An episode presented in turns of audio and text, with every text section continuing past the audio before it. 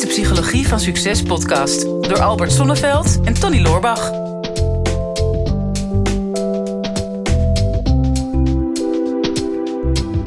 Tony, ik weet niet, ehm, ja, wij zijn inmiddels toch best wel wat bekend geworden. En ehm, ja, ik kom ook mensen tegen op straat of in een sociale omgeving. En, Jij dus ik, heb, ik begin een beetje, ja, ik wel.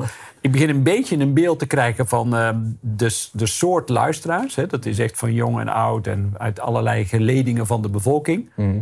Maar nou ja, wij kregen een vraag binnen van een arts. En die had ik me eigenlijk niet zo voorgesteld. Nee, wij zijn eh, doorgedrongen in de bevoorrechte bovenlaag, merk ik. Ja, Met onze podcast. Nou, we hadden dus... ehm, ik heb gisteren even gecheckt... 1,6 miljoen downloads op de eerste 120 afleveringen.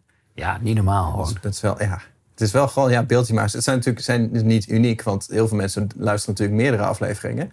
Maar 1,6 miljoen keer is er naar ons geluisterd. Ja, ik kan er geen voorstelling van maken. Ik denk, het zijn misschien mensen met slaapproblemen of zo. Ik heb, ik heb. Anderhalf, twee jaar tijd. Sorry. Ja. ik kan ook goed rekenen. Ja. Ja. Ja, nee, ja, ik weet het ook niet. Nee. Zeg misschien iets over het aanbod van de concurrent. Maar wij gaan nog wel wij gaan lekker door. wij gaan lekker door. Ja, en, en nu inderdaad eh, ook eh, doorgedrongen in eh, de artsenwereld. Eh, vraag van een eh, huisarts. Zegt als huisarts geniet ik van jullie podcasts. Eh, maar ik voel me ook een beetje vreemde eend in de bijt. Ik ben zelfstandig, eh, maar een huisarts is natuurlijk geen echte ondernemer.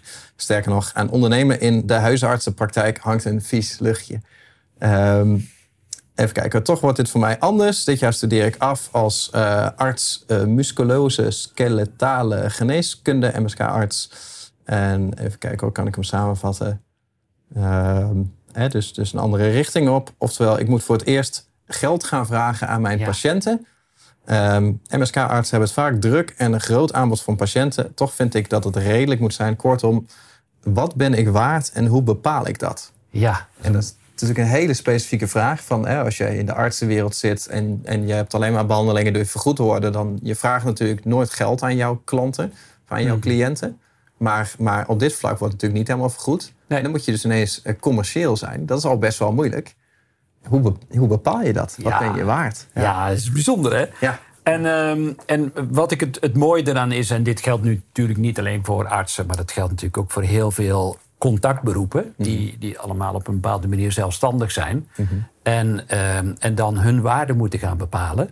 En ik heb dat zelf ook wel gehad, dat ik als, als psycholoog in eerste instantie, ik heb het verhaal volgens mij wel eens verteld, dat, dat ik het soms zo lastig vond om geld te vragen. Bijvoorbeeld aan een bijstandsmoeder. En ja, die, die zei, ja Albert, maar ik heb helemaal geen geld, maar ja, ik heb wel een probleem, wil je me helpen? En dan zei ik, nou ja, ehm, weet ik veel, heb je een moestuin, dan eh, neem maar een bos wortels mee. een soort ruilhandel. of ja. misschien kun je een trui breien. Maar op Ja. een gegeven moment, toen mijn kinderen klein waren, kon ik niet met die kinderen naar de Efteling, omdat ik, ja, die accepteerde geen bos wortels Oh ja. ja, daar ga je. Als ruilhandel. En, eh, de- maar ik heb heel lang geworsteld. Jij weet inmiddels wat mijn tarief is, maar Ja. Ja, ik wou zeggen, het, eh, hetzelfde geldt voor mij. Maar jij, jij vraagt natuurlijk veel meer geld. ja, in ieder Dus geval dat klopt niet. per uur. per uur wel. Maar ehm, ja, en ik, ik heb daar echt naartoe moeten groeien. En dat had heel veel te maken met, met waarde. Eh, maar vooral met eigenwaarde. En wat, wat vind ik dat ik waard ben? Ja. En ooit heeft een ondernemer eh, mij daar wel enorm mee geholpen. Door te zeggen van ja Albert, ik, ik betaal jou niet eh, gewoon als een, een uurtarief. Maar ik betaal jou voor het eindresultaat. En, en het eindresultaat is me heel veel waard. En, en dat heeft me enorm geholpen, ook in mijn eigen perceptie. Van ja, wat, welk probleem los ik ook op voor mijn klanten? En wat is ze dat waard? En, en ook bij deze artsen dan heel specifiek hè, met een bepaalde techniek. Ja, stel je voor dat mensen al jarenlang rugklachten hebben, bijvoorbeeld. En, en die zeggen dan vaak ook: het is me alles waard als ik van die rugklachten af, want ik kan niet meer functioneren, of ik ben maar een halve ouder, of ik functioneer maar half op mijn werk, of ik kan nooit meer meedoen aan sport. en, en, en als je dan aan ze zou vragen van, goh, maar zou je daar 5000 euro voor over hebben als je van die klachten af zou zijn? Dan zouden mensen waarschijnlijk direct zeggen, ik zou er nog zelfs een lening voor aangaan als, ik, als ik van die klachten af zou zijn. Ja? Maar als je het per uur gaat omrekenen, dan gebeurt er iets heel raars. Wij hebben eerder een, een uitzending opgenomen over eh, aandelen en beleggen. En toen vertelde jij iets heel grappigs. Hè? Toen ik van ja, aan de ene kant geef ik, eh, geef ik heel veel geld uit aan, aan beleggen, hè, bijvoorbeeld. Of investeer ik, hè, zo zei je het heel Ja. netjes. Maar ja, tegelijkertijd, als je een, eh, een extra polo moet kopen in de winkel, Mhm. eh, dan heb je zoiets van, hè, maar ga ik daar zoveel geld aan uitgeven? Ja. Dus we hebben een hele rare emotionele binding met, met geld en met waarde. Mhm. En ehm, ja, ik heb ooit een keer gehoord, maar help me even met die uitspraak, is van hè, dat, je, dat je zoveel durft te vragen aan iemand anders als dat je bereid bent om aan jezelf uit te geven. Ja. Ja, ik weet de uitspraak niet die je bedoelt, dus daar kan ik je niet mee helpen. Nee. Maar, maar er zit altijd een heel groot verschil. Eh, het is een soort van ondernemersvirus. Hè? Dat als jij niet een ondernemer bent, maar gewoon een consument, wat we eigenlijk allemaal zijn, dat we het heel normaal vinden om producten te kopen. En dat we heel normaal vinden dat we iets in de winkel kopen, dat we daar geld voor betalen. En we vinden het ook heel normaal dat eh, daar waar wij behoefte aan hebben, eh, we hebben een, een vraag of een wens, dan vinden we het heel fijn dat, dat iemand ons dat product ook aanbiedt wat wij graag willen hebben. Dus we vinden het heerlijk dat wij, eh, als we naar Google gaan om iets te zoeken, dat er een advertentie staat met product wat wij kunnen kopen. Hè, we vinden het heerlijk dat, eh, dat als we in een winkel lopen en we zien een product wat we niet hadden willen kopen, maar waar we op het idee komen om het toch te kopen dat het in de aanbieding is en er zit korting op, vinden we heerlijk. En op een gegeven moment gaan we naar de Kamer van Koophandel en worden we ondernemer. En dan komt er een soort van storing in je brein, waardoor je niet meer durft te verkopen, omdat je bang bent dat je andere mensen lastig valt met geldvragen. Dat je andere mensen lastig valt met het geven van een korting, of het geven van een aanbieding, of het, het sturen van een promotie. En ik heb dat als, als business coach eh, heel vaak gemerkt dat de meeste ondernemers daar gewoon problemen hebben. Gewoon in überhaupt sales doen. De meeste ondernemers hebben echt een hekel aan het moeten verkopen van hun product. En meestal als ze aan het verkopen zijn, dan, dan hebben ze de korting eigenlijk al gegeven voordat er een reactie op het eerste aanbod is gekomen. Omdat je iemand anders niet tot last wil zijn. En, en dat is wel een belangrijk. Hè? Dat is net als de psychologie over beleggen. Je zult je als, als verkoper ehm, emotioneel los moeten maken van, van geld. Als het over eh, omzet, als het over waarde voor jouw diensten gaat. En zeker over de waardering voor je eigen tijd. Ja. Nou, ik, eh, ik denk, nou, ik gooi hem er even in, hè, want we hebben altijd de neiging om, eh, om onszelf te vergelijken met anderen. En, en daar zit ook een bepaalde waarde aan gekoppeld. Dus eh, ik ga even testen, kijken hoe je, of jij een beetje die bedragen weet. Wat denk je wat de gemiddelde vrachtwagenchauffeur zelfstandig per uur verdient? En niet wat hij verdient, wat hij krijgt. Dit, is- dit is lastig. Ik, kan, ik kan me herinneren, dat was ook ooit een keer in de politiek. Dat Job Cohen lijsttrekker werd van de PvdA. En bekritiseerd werd dat hij dus niet op de hoogte was van het gewone volk. Toen vroegen ze hem ook van, wat denkt u dat een, een brood kost in de supermarkt? Ze zei ja, 5 euro. En nu, ik ben bang dat ik Ja. nu hetzelfde ga Nee. doen. Maar Nou. een vrachtwagenchauffeur per uur, Ja, per uur als zelfstandige. eh, euro of, eh, 40, 50? Ja, iets, iets lager, 30, 30 euro. Een tegelzetter, eh 35 euro Per uur. per uur als zelfstandige. Een verpleegkundige, zelfstandig. Ja, mag hopen wat meer. Ja. Maar 40, Ja. 50? ja, 40, heel goed. Een journalist. Per uur. nou, ik denk dat die veel hoger zitten. 70, 80 per uur? Ja, ja, we hebben het niet over de gemiddelde snelheid van jouw auto, hè? Maar Nou, euro's. circa zeg maar een nulletje achter. Ja, 70. 70. Oké. Een, een ICT-consultant, nou, dat moet een beetje in jouw, eh, jouw wereld zijn. Ja. Consultant, hè? Ja, ja, ja. Nou, ik heb het idee dat je aan het opbouwen bent. Dus dan zeg ik nu 90. Ik wil ze Ja. allemaal goed hebben. Ja, ja eh, nee, 125. Oh, ja. Dus die zijn al wat opgewaardeerd. Een interim manager. Ik, weer ik een hoop, beetje. ik hoop laag. Nou, die zit op ongeveer 150 euro. Oké. Ehm, en een advocaat. Nou, dat is ook weer afhankelijk of die op de Zuidas zit of niet. 200? Ja, iets lager. 170 euro gemiddeld hebben we het dan over. Oké. En dan een arts, dat doen we even niet per uur. Maar ja, dat is een gemiddelde bruto per maand is 6400 euro per maand. Mhm. Voor Nou, 168 uur. Ja, ja, ja maar goed, dan, dan komen we al gelijk op het volgende. Want ik heb dat allemaal uitgezocht. Natuurlijk. Voor, voor, voor onze arts. Want ja, ik vind het toch wel heel gaaf als die eh, een beetje zou weten van ja, wa- wat, wat is nou normaal en wanneer is nou goed en goed genoeg. Mhm. Ehm, dus, dus daar gaan we dadelijk iets over vertellen. We maken er een beetje een cliffhanger van. Want ik, weet, ik heb tot ongeveer eh, eh, tot cijfers achter de komma uitgerekend wat, Wat hij dan moet gaan vragen. Ja, wat oh, hij top. eventueel Ja. zou, zou moeten Fijn, gaan ik wil ook graag een concreet antwoord hebben. ja, ja, nou, ik kan me dat, kan me dat wel voorstellen. Maar we, we gaan even terug naar, naar die waarden. Hè? Want, nou ja, goed, ik heb, ik heb nu een heel rijtje genoemd van, eh, van verschillende beroepen. En zeker ook in de coronatijd. Eh, dan, dan komt er natuurlijk eh, ook in de publieke opi- opinie zeggen van ja, weet je, die artsen en die verpleegkundigen, die, ja, die werken gewoon echt heel, zich helemaal uit de naad om mensen letterlijk en figuurlijk het leven te redden op die, eh, op die IC's. Ja, die worden zwaar onderbetaald. Hè. Die, zijn, die staan soms, en, en artsen in opleiding ook, die zijn soms 60, 70, 80 uur eh, per week aan het werk. En als je dan ziet wat, wat hun gemiddeld eh, salaris daarvoor is, dat is absoluut niet in verhouding. Nee. Maar de grote vraag is dus, ja, waar vergelijk je jezelf mee? Hè? Want waarom moet een, een interim manager eh, dat bedrag eh, verdienen? Hè? Bijvoorbeeld 150 euro. Of een advocaat die een, in eenzelfde universitaire opleiding heeft gehad, eh 170 euro. Ja. En een arts misschien 80 euro. Ja, waar, zit, waar zit hem dat verschil in? Is dat dan een kwestie van vraag en aanbod? Of, of heeft dat ergens anders mee te maken? Hoe, hoe, hoe zie je dat? Want Nou. is dat marktwerking of is dat perceptie? Of, Nou ja, kijk, eh, in eerste instantie marktwerking. Hè. Daar, daar waar vraag is, komt, komt aanbod. En als er ruimte is voor heel veel aanbod, eh, dan, eh, dan worden, eh, gaan prijzen meestal tegen elkaar concurreren. Eh, als dat niet het geval is, dan gaan prijzen over het algemeen vaak omhoog. ja. Eh, dat, dat is de basis. Hè. En wat dat betreft, de, de, de wereld krijgt wat het vraagt, over het algemeen. Ehm, alleen, ehm, op een gegeven moment ga je de stap maken gewoon naar expertise. Hè? Dus bijvoorbeeld jij als coach, hè, stel dat ik met een, met een probleem bij jou kom. ehm, en ik heb een, eh, een sessie met jou en dat is iets waar ik bijvoorbeeld al jaren mee rondloop. Hè? Bijvoorbeeld, ehm, eh, ik, ik, ik, ik pieker elke avond ja, een uur of twee, drie voordat ik ga slapen. En ik kom één sessie bij jou en jij geeft mij een gouden tip. En het is in één keer voor altijd verholpen.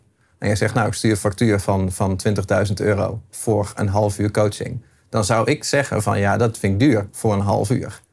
Maar als jij een factuur zou sturen en je zou een specificatie maken, dan zou je bijvoorbeeld opzetten: eh half uur coaching, 100 euro. Eh, weten welke coaching te geven, 19.900 euro. En, en dat is het vaak. Hè? En dat is bij, bij, bij advocaten is het natuurlijk net zo. En ik denk dat, dat artsen eigenlijk veel hoger zouden moeten zitten. Je investeert natuurlijk een, een heel groot gedeelte van je leven om een bepaalde expertise te krijgen. Wat, wat een enorme bagage is die je met je meeneemt. Ja. Zodat jij in het heetst van de strijd, dat jij weet wat je moet doen. Hè? Dat een advocaat weet van alle wetten die er zijn. Ik weet welke wet voor jou van toepassing is. Dus je betaalt niet voor dat advies van, van deze wet. Maar je, je betaalt voor alles wat ik mee de ruimte in heb genomen. Om zeker te weten dat ik jou het juiste advies geef. En dat is bij deze arts denk ik net zo. Ik denk dat het heel gevoelig ligt hoor, in die medische wereld. Dat je ineens ehm, jezelf gaat verrijken aan het leed van anderen. Ja. Dus mensen die last hebben van hun rug en die dat dan niet helemaal goed krijgen van de zorgverzekeraar, dat jij daar dan heel veel geld aan gaat verdienen. Maar je moet jezelf ook niet uitvlakken. Als jij daar een heel groot gedeelte van je leven in hebt geïnvesteerd. En er zijn maar weinig mensen die die opoffering hebben gemaakt. Er zijn maar weinig specialisten. En jij kan heel snel iemand van een enorm probleem afhelpen. Ja, dan, dan, mag, je, dan mag je daar ook voor beloond worden. Ja. Het gaat denk ik alleen om wat, wat is jouw eigen ambitie? Dus ehm, hoeveel wil jij werken in de maand? Ehm, hoeveel inkomen wil jij verdienen? Hoe, hoeveel mensen zou jij willen helpen? Ehm, wat, wat vind jij zelf prettig wat dat mensen zou moeten kosten? Ehm, dus ik denk dat je moet beginnen met het tekenen van op deze voorwaarden wil ik mijn leven hebben, financieel gezien. En daar ga ik een model bij verzinnen wat dan vervolgens past. Ja, ja en dat, dat, hè, want dat is dus één manier. Je kunt, kijken, je kunt je gaan vergelijken met anderen. Maar ik zou het niet doen, want meestal word je daar ongelukkig van. Hè, Ja. Want er is altijd een ondergrens dat je zegt... ja, maar ik wil niet eh, hetzelfde hebben als bijvoorbeeld een vrachtwagenchauffeur... of een tegelzetter hè, met een universitaire opleiding. Ja. Ehm, of de bovengrens. Hè, want we, we wonen natuurlijk ook in een land, Nederland... en dat is best wel bijzonder is, is, wij zijn ook heel erg verwend dat we worden eh, verzorgd van de wieg tot het graf. Eh, en dat alles maar voor ons wordt vergoed hè, door ziektekostenverzekeraars. Nou, natuurlijk hebben we een ziektekostenpremie. En ja, die wordt ieder jaar hoger en bla bla bla. Maar als je naar een land kijkt als Amerika, een van de meest welvarende landen ter wereld. Ehm, Ja, daar moeten mensen dus, hè, tenminste, dat La- langs de kust. Ja, langs de binnenland niet. Binnenland is gewoon ontwikkelingsland. Ja, ja. zeker. Maar ja, daar, zijn, ja daar, daar vinden mensen tussen aanhalingstekens normaal, want dat is hun cultuur. Ja. Dat er gewoon enorme bedragen worden betaald voor medische zorg. Hè, Die je dus zelf moet betalen en daar zelf leningen voor moet afsluiten. Ja. En ja, die, die artsen die hebben natuurlijk ook een hoger risico vaak, omdat ze, als ze een medische fout of een misser maken, dat ze ook gelijk eh, miljoenen moeten gaan betalen. Ja. Dus, eh, dus die hebben weer, dat, dat hele systeem zit zo anders in elkaar dan bij ons. Ja. Dus vergelijken heeft niet echt, echt veel zin. En denken in uurtarieven ook niet echt. Hè. Maar we zijn zo geconditioneerd om, om een bepaald bedrag per uur eh, te, te rekenen. En, en daar dan als het ware ons leven rondom op te bouwen. Mhm. Terwijl ehm, ja, de uitgangspunt wat jij aangeeft, vind ik eigenlijk een veel logischer. Wat, wat zou mijn levensstandaard moeten zijn? Ja. Wanneer wil ik stoppen met, eh, met werken? Wanneer wil ik met pensioen? Eh, Wat voor leven wil ik mijn gezin geven? Eh, zijn we tevreden met ponypark Slagharen en blijven gewoon lekker in Nederland? Wat Ja. prima is, ik heb daar geen oordeel over. Mhm. Of wil je ieder jaar verre reizen kunnen maken met je gezin? Ja. Wil je je kinderen kunnen laten studeren? Ehm, en, en durf dat verlangen ook uit te spreken, maar dan komt het allerbelangrijkste: durf daar ook naar te handelen. Ja. Want tussen een soort wens van ja, het zou wel fantastisch zijn als we nog een keer eh, dit zouden kunnen realiseren met het inkomen wat ik heb. Of ja, ieder, ieder jaar meer geld gaan vragen voor de diensten die je levert. Omdat je steeds meer vertrouwen krijgt in de kwaliteit van eh, de diensten die jij te bieden hebt. Ja, klopt.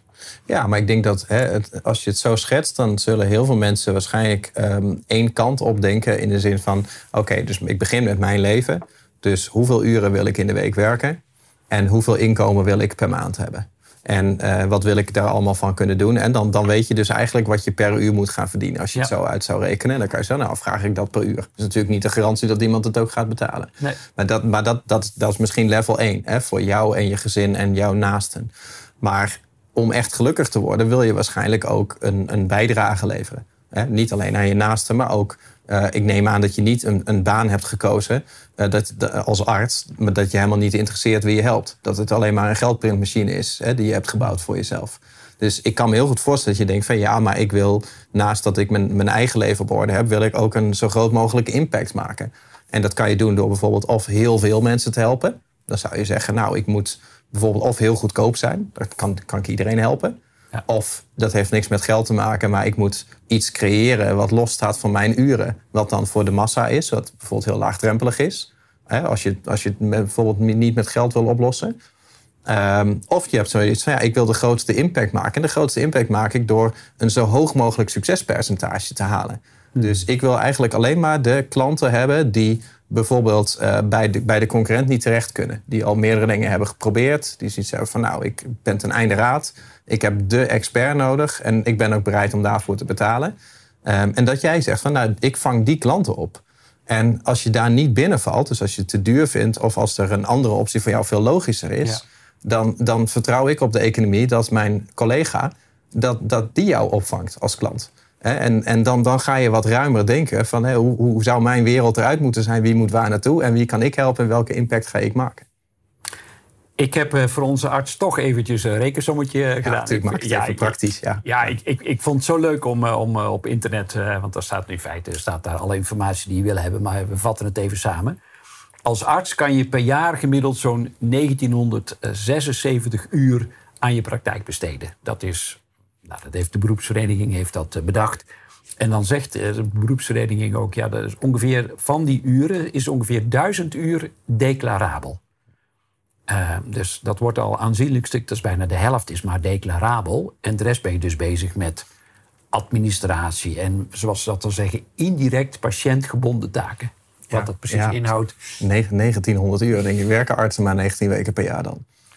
Ja, nou ja, blijkbaar. Eh, ik, ik, geen idee, maar dit is hoe het, eh, hoe het, eh, hoe het in ieder geval is. Ik, ik weet zelf ook dat ik maar iets van 130 declarabele dagen heb per jaar. Oh ja. Hè, want nou ja, je hebt je vakantiedagen, je moet ook nog wat acquisitie doen, eh, administratie.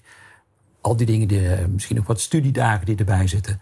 Dus van de 365 dagen, 130 declarabele dagen, dat weet je dan. Nou, en dan we, zijn, we gaan weer even terug naar dat uh, artsen, uh, naar de, wat de gemiddelde arts verdient. En dan is het natuurlijk ook weer, ben je loondienst of heb je je eigen praktijk. Mhm. Maar gemiddeld is het bruto ongeveer 6400 euro per maand zou een arts uh, op dat niveau zeker moeten verdienen. Ja.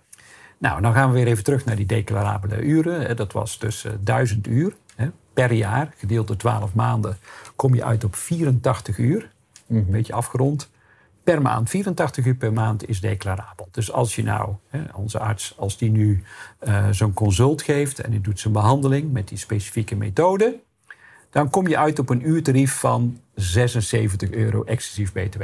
Als je dus 21 declarabele uren per week maakt. Uh, 86 ja, per maand. Ja, ja, god, jij rekent ook weer supersnel. Ja. ja. Nou ja, Ja, dus, Toen je helemaal zo ver was, toen kon ik wel verder. Ja. Nou, ja, ik denk dat, ja, ik, ik weet niet of je dat veel of weinig vindt, maar dat is dus helemaal weer afhankelijk van, ja, los je een probleem op of niet. Als je, als je vijf keer naar die beste arts toe gaat en je bent nog steeds geen, geen drol verder. Ja. Je- Inmiddels, laten we zeggen dat hij een eh, rekening stuurt van eh, 80 euro eh, exclusief BTW per uur. En denk ja, en je, je hebt al eh, 300, 400 euro uitgegeven en er is niks veranderd. Ja, dan zou je zeggen, ja, dat is, me, dat is me dat geld niet waard, ik ga ermee stoppen. Eh, dus ehm, ja, je moet weten dat je kwaliteit levert. Ik weet dat steeds meer coaches, eh, en dan heb ik het over de gezondheidscoaches, niet de businesscoaches, ja, die beginnen al richting de 90, 125 euro per uur eh, te gaan ehm, voor, voor het werk wat ze doen. Ja. Zijn mensen bereid om dat te betalen? Want dat kom je natuurlijk eh, aan de andere kant zeker vanuit de perceptie... ja, ik ga naar een arts en alles wordt vergoed. Nee, niet alles wordt vergoed. Soms ben je bijverzekerd. Mhm. En, en dan krijg je een deel van de behandeling vergoed. Hè. Als je dan weer bij een bepaalde beroepsvereniging is aangesloten. Ehm, maar nogmaals, ja, er zal een groep zijn, vast en zeker, die je niet kunt behandelen voor dat bedrag. Hè? Want die, die zullen zeggen, ja, dat is leuk, maar dat is voor mij een week boodschappen. Dus. Ik, eh, dan hou ik die rug bij maar. Zo, Mhm. Om die reden gaan bepaalde mensen ook niet naar een tandarts. Ze zeggen, van, ja, ik kan gewoon die rekeningen niet betalen. Mhm. Dan maar een slecht gebit. Maar eh, Ja. als ik moet kiezen tussen een week boodschappen voor mij en voor mijn kinderen... of naar de tandarts gaan, dan laat ik dat vallen. Ja, nou ja, maar ik denk dat je daar op een gegeven moment de afweging moet maken. Ja. Het heeft natuurlijk in eerste instantie level 1 is gewoon kijken van wat is marktconform. Hè? Wat, wat, wat, wat, wat vraagt de rest? Nou, dat zou, zou kunnen. Vervolgens, als je wat dieper wil gaan, dan wordt het wat spiritueler. Dan gaat het over eigenwaarde. Van ja, wat, wat vind ik mijn uren waard? Ben ik bereid om voor dat bedrag zoveel uren te werken en heb ik dan het leven wat ik wil?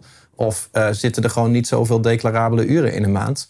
En zelfs als ik fulltime zou werken, mijn hele leven lang, heb ik nog steeds niet het inkomen en het leven wat ik zou willen. Ja. Nou, dan moet je dat niet gaan vragen. Dan zul, je, dan zul je meer moeten gaan vragen. En op het moment dat je meer gaat vragen, dan komt er de ethische kwestie van ben je dan niet veel duurder dan, dan je collega? En hoe wordt daarnaar gekeken? Maar als je dat los kan laten, dan weet je gewoon van ja, maar ik pak daar maar mee een kleiner stuk van de markt. En er zijn er misschien ook wel genoeg van. Waardoor ik in ieder geval de service kan bieden die ik wil en het leven heb wat ik graag zou willen. En als dat dan bij je knaagt, en je hebt zoiets, ja, maar dan help ik te weinig mensen, dan ben ik te duur en heel veel mensen kunnen mij niet betalen. Denk dan eens na over wat, wat zou je nou voor mensen met een smalle beurs kunnen doen? Hè, Wat zou je nou kunnen aanbieden voor mensen die bijvoorbeeld helemaal geen budget hebben? Want misschien heb jij naast je behandeling, misschien heb je wel kennis. Eh, die je wel gratis beschikbaar zou kunnen stellen. Of heel goedkoop, waarmee mensen bijvoorbeeld al een eerste stap zouden kunnen zetten. Of een, of een samenwerking met een collega die, die het wel goedkoper kan aanbieden, omdat hij schaalgrootte heeft bijvoorbeeld. Ja. Eh, je, je kan het probleem wel oplossen, maar je moet het probleem niet altijd proberen op te lossen op je eigen bankrekening. Want daar wordt uiteindelijk niemand gelukkig van. Nee, nee. Nou ja, dan misschien als afronding. Ik zeg altijd, dat weet je. En veel luisteraars en kijkers inmiddels ook. Ja, een mens leeft gemiddeld 4000 weken.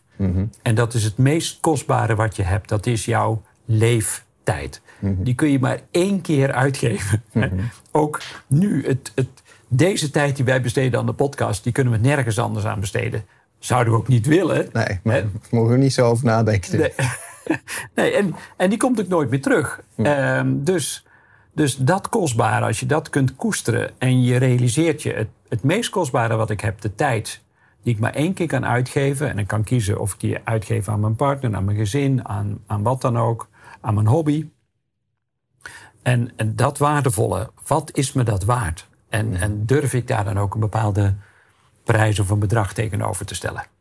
Nou, volgens mij hebben we best uitgebreid uh, antwoord gegeven op, Ja. op deze vraag. Ehm, nou, ik vond het wel de moeite waard, eerlijk gezegd. Ja, vond het ook wel. Nou, zijn we weer 25 minuten bezig. We moeten weer terug naar ons 20 minuten concept. We worden te enthousiast.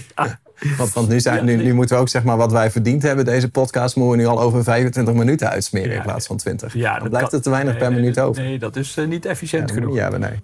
Vond jij het ook leuk om ernaar te kijken of naar te luisteren? Laat het ons even weten. Als je op YouTube kijkt, dan kun je in ieder geval even een duimpje geven. En eh, je kunt je natuurlijk ook abonneren op ons kanaal. Wij vinden het in ieder geval zeer de moeite waard om je iedere week weer te blijven verrassen met interessante onderwerpen zoals deze. Dit is de Psychologie van Succes podcast door Albert Sonneveld en Tony Loorbach.